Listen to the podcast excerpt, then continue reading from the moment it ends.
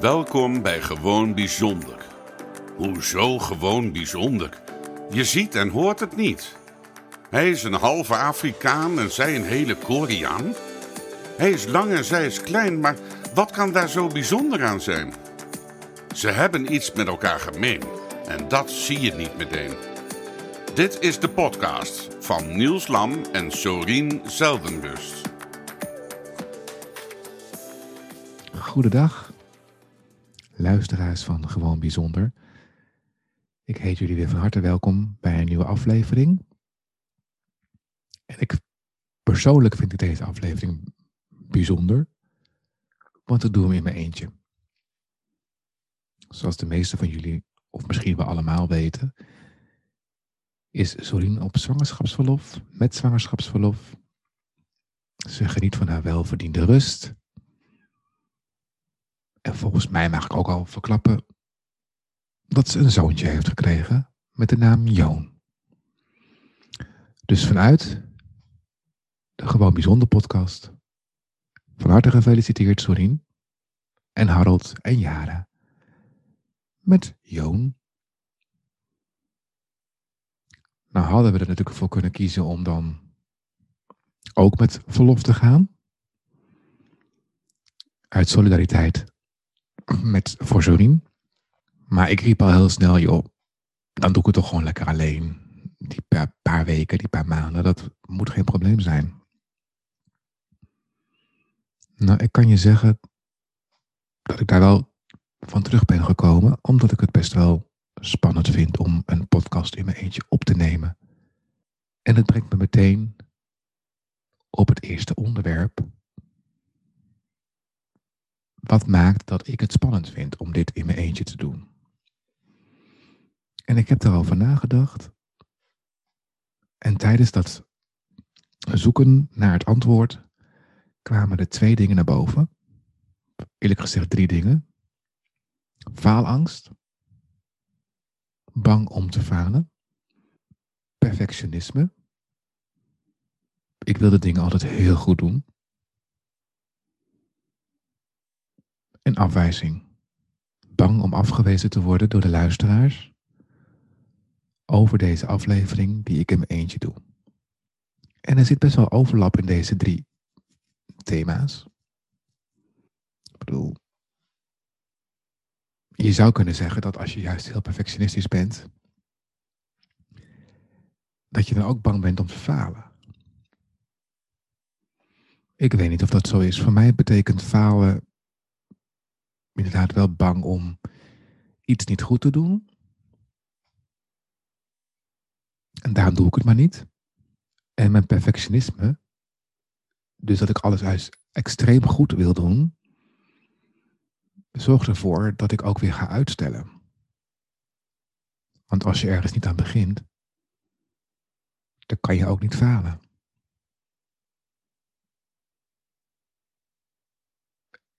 En ik loop ook niet het risico om afgewezen te worden. Dus die drie dingen hebben wel met elkaar gemeen. In mijn geval dan. Ik weet niet hoe het voor de rest is. Of jullie hier iets in herkennen. Ik zie het wel bij veel andere mensen terug, veel geadopteerden terug. Bijvoorbeeld dat ze bang zijn om afgewezen te worden. En ergens is het ook best wel logisch, want ja, laten we wel wezen, we zijn in ons leven systemisch gezien afgewezen door de belangrijkste persoon in ons leven. En dat is onze moeder. De vrouw die ons gedragen heeft en gebaard heeft. Als zij ons al afwijst, door afstand van ons te doen, wat zegt het dan over de rest van mij? Vroeger heb ik er nooit zo over nagedacht. In mijn jongere jaren, in mijn tienerjaren. Maar ook in de periode dat ik naar de hogere school ging bijvoorbeeld en op kamers ging wonen. Verkering kreeg. Ik vond het niet leuk om afgewezen te worden. Maar ik maakte niet de verbinding met het feit dat ik ben afgestaan. En met wat ik nu weet over dat onderwerp, gelinkt aan adoptie, vallen voor mijzelf in ieder geval wel wat puzzelstukjes op in plaats. Dus toen ik met mijn grote mond riep tegen Serien van, joh, ik doe het gewoon alleen. Op dat moment voelde het ook zo van, oh, appeltje, eitje, gaan we gewoon even doen. Nou, ik kan jullie verklappen. Ik heb deze podcastaflevering al een aantal malen overnieuw moeten doen. Omdat ik het allemaal veel te goed wilde doen. En ik las ergens van de week een berichtje van iemand die ook in podcastland actief is. En zij zei: ga gewoon doen wat je wil doen. Wees jezelf. Zet die microfoon aan. En ga praten. Praat vanuit jezelf, met je eigen kennis en ervaring en kunde. En dan is het gewoon goed. Dus dat heeft me ook wel over de streep getrokken om gewoon inderdaad de microfoon aan te zetten en mijn verhaal te gaan doen. En ik krijg er ook een beetje hulp bij, want ik heb gelukkig een aantal vragen binnengekregen die ik in de podcast wil behandelen. Dus fasten your seatbelts. It's gonna be a bumpy ride.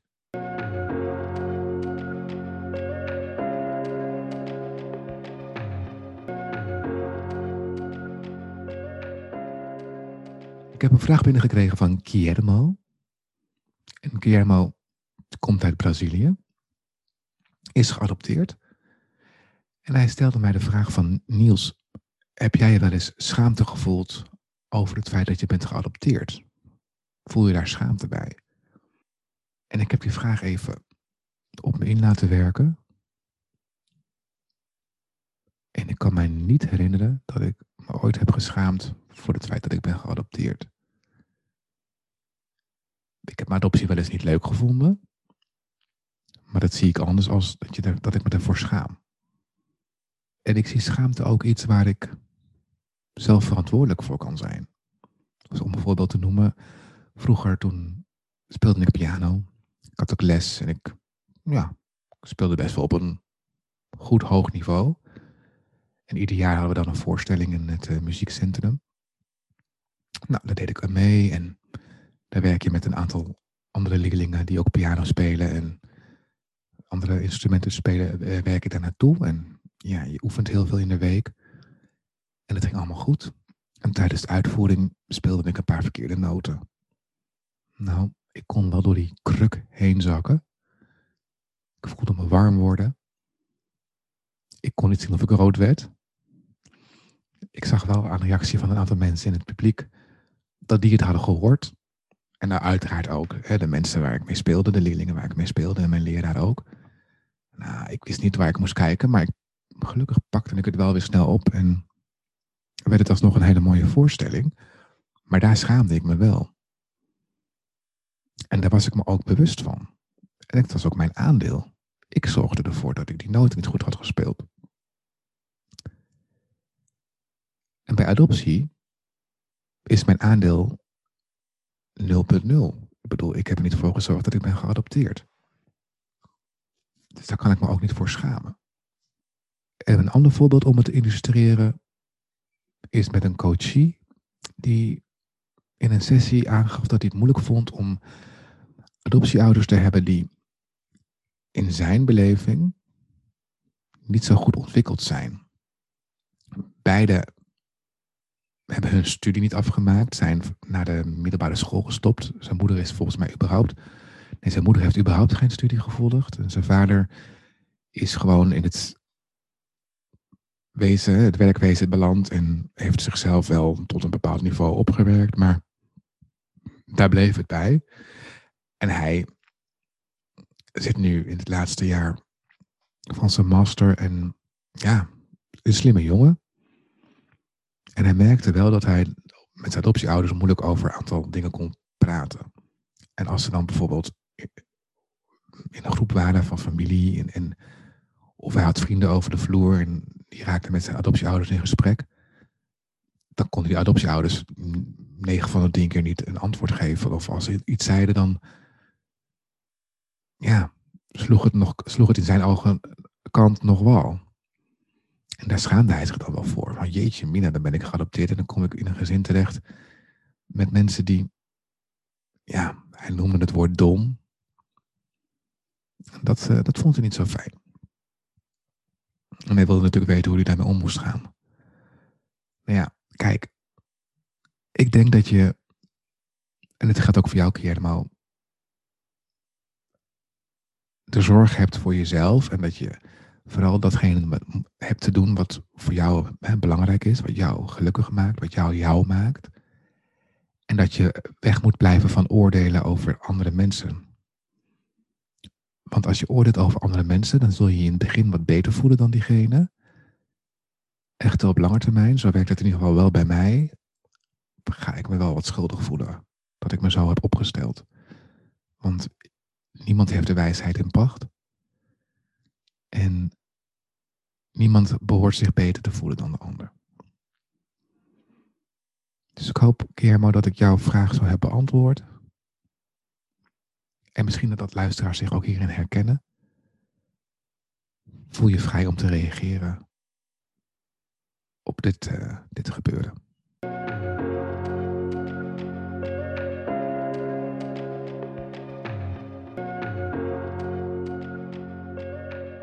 Onvoorwaardelijke liefde.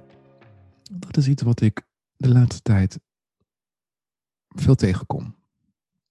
Ik heb een coachie die aan heeft gegeven dat ze dat verwacht, onvoorwaardelijke liefde. En ik vraag me af, wat is dan onvoorwaardelijke liefde voor jou? Als je het mij vraagt, bestaat het niet. Want ik zie onvoorwaardelijke liefde als iets dat tussen hè, twee individuen, dat kan een partnerrelatie zijn, dat kan een vriendschappelijke relatie zijn, dat kan ook een relatie zijn tussen een ouder en een kind. Maar liefde, dan is er niet sprake van de zogenaamde kleine lettertjes. Dus als ik een onvoorwaardelijke liefde voel voor mijn man, dan zou dat in mijn ogen betekenen dat hij alles kan flikken wat hij wil. Hij kan alles maken wat hij wil. En ik vind alles oké, want ik blijf, ik hou van hem. Alleen, dat, dat, dat is niet zo. Weet je, in, een relatie, uh, welke relatie dan ook, er is altijd een belang bij. Er komt altijd een functie bij kijken en een doel. En zolang die drie dingen er zijn in een relatie, of verbindingen met tussen twee mensen, dan kan er in mijn ogen geen sprake zijn van onvoorwaardelijke liefde. De relatie tussen een ouder en een kind, en vooral tussen een moeder en een kind, komt aardig in de buurt. Maar ook daarin zul je merken dat als een kind ouder wordt en zich gaat ontwikkelen, dat er toch ook wel weer een belang gaat komen in die relatie. Ook bij de, bij de ouder, bij de moeder in dit geval. Dus ja. Nee, ik geloof niet in onvoorwaardelijke liefde. Ik zou het wel willen hoor, absoluut. Dat zou het leven voor mij een stuk makkelijker maken, maar nee. En helemaal, als je dan kijkt bijvoorbeeld naar een, geadopteerde. Ik bedoel, je, je komt in een gezin terecht met ouders die niet jouw ouders van oorsprong zijn. Het zijn adoptieouders. Ja, ik hou van mijn adoptieouders. Helaas is mijn adoptiemoeder tien jaar geleden overleden. Ik voel een bepaalde genegenheid bij mijn adoptieouders. En ik zal er ook alles voor doen om te zorgen dat het goed met ze gaat. In dit geval nu met mijn adoptievader. Maar echt veel sprake is van onvoorwaardelijke liefde, ik weet het niet.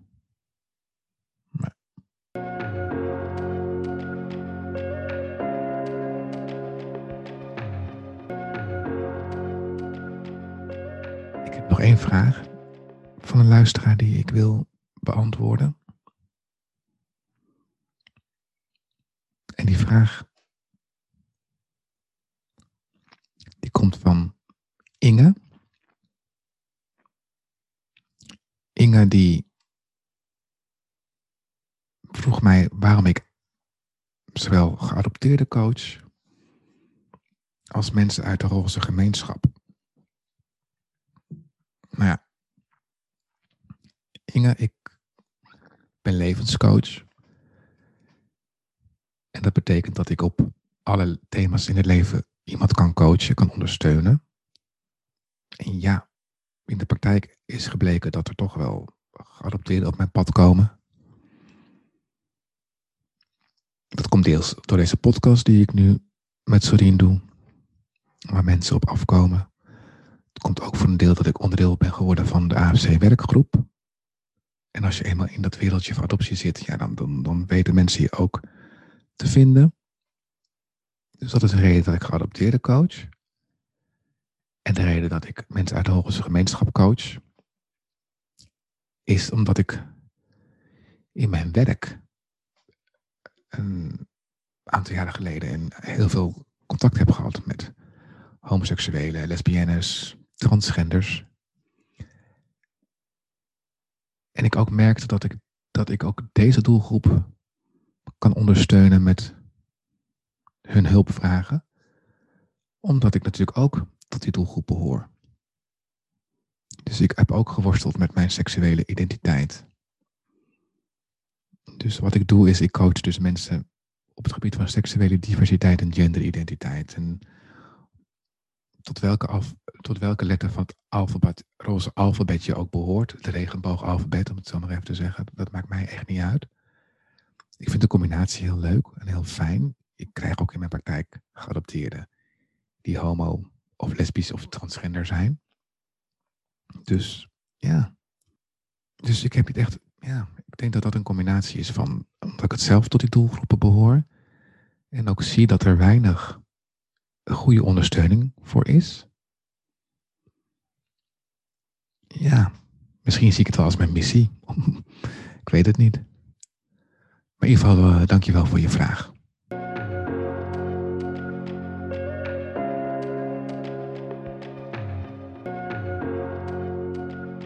Deze podcast eindigen met een stukje voor te lezen uit het boek De Fontein van Els van Stijn. En ik wil jullie alvast bedanken voor het luisteren. Ik hoop tot de volgende keer. Gelukkig zijn. Een jongen van negen jaar vraagt aan zijn vader: Wat moet ik doen om gelukkig te zijn? Zijn vader zegt: Kom, pak je rugzak en de ezel. Wij gaan vier dagen op reis. Op dag 1 zit de zoon met zijn rugzak op de ezel. De vader loopt naast hen met zijn eigen rugzak op zijn rug. De mensen die hen voorbij zien komen zeggen tegen elkaar: Wat heeft die zoon een gebrek aan respect voor zijn vader? Zo klein is hij niet meer. En hij gaat op de ezel zitten, terwijl zijn vader de jongste niet meer is. Belachelijk. Op dag 2 zit de vader met rugzak op de ezel en de zoon loopt er rustig naast. Wederom wordt over hen gesproken. Wat een ontaarde, ontaarde vader. Hij vindt zijn comfort en gerief belangrijker dan het van zijn zoon. Bovendien is de vader nog niet zo oud en het zoontje is nog maar een klein ventje. Op dag 3 gaan zowel de vader als zoon met bepakking op de ezel zitten. Wat een egoïste, wat een dierenbeulen. Hoe kunnen ze dat doen? Dat zouden wij nooit doen. Op dag 4 lopen zowel de vader als zoon met hun bagage naast de ezel. En weer praten de mensen over hen. Die twee snappen de essentie van een ezel niet. Wat een stelletje idioten dat ze geen gebruik maken van de ezel. Bij thuiskomst vraagt de vader aan zijn zoon: Heb je een antwoord gekregen op je vraag?